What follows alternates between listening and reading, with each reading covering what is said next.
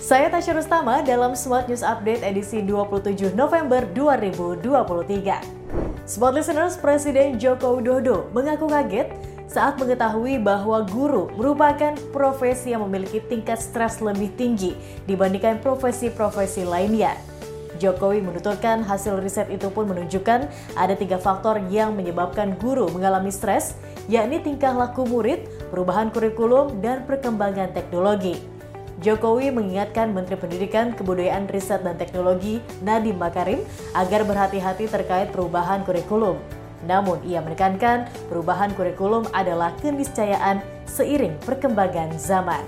Berita selanjutnya, PT Kereta Cepat Indonesia China melanjutkan promo tiket kereta cepat Wush untuk perjalanan Desember 2023. Hanya saja tarif promo tersebut tidak lagi Rp150.000. Direktur Utama KCIC Dwi Anda Selamat Riyadi mengatakan tarif promo kereta cepat Wush untuk perjalanan Desember dibanderol mulai Rp200.000 untuk sekali perjalanan.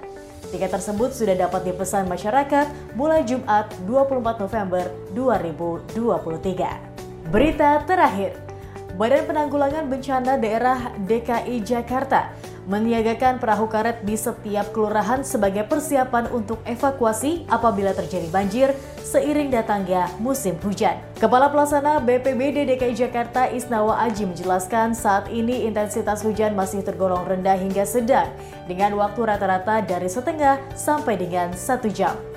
Sekian berita hari ini, Smart News Update didukung oleh PT Bank Sentral Asia Tbk, LRT Jabodebek, Eye Hospitals and Clinics, Eye Care Leader in Indonesia.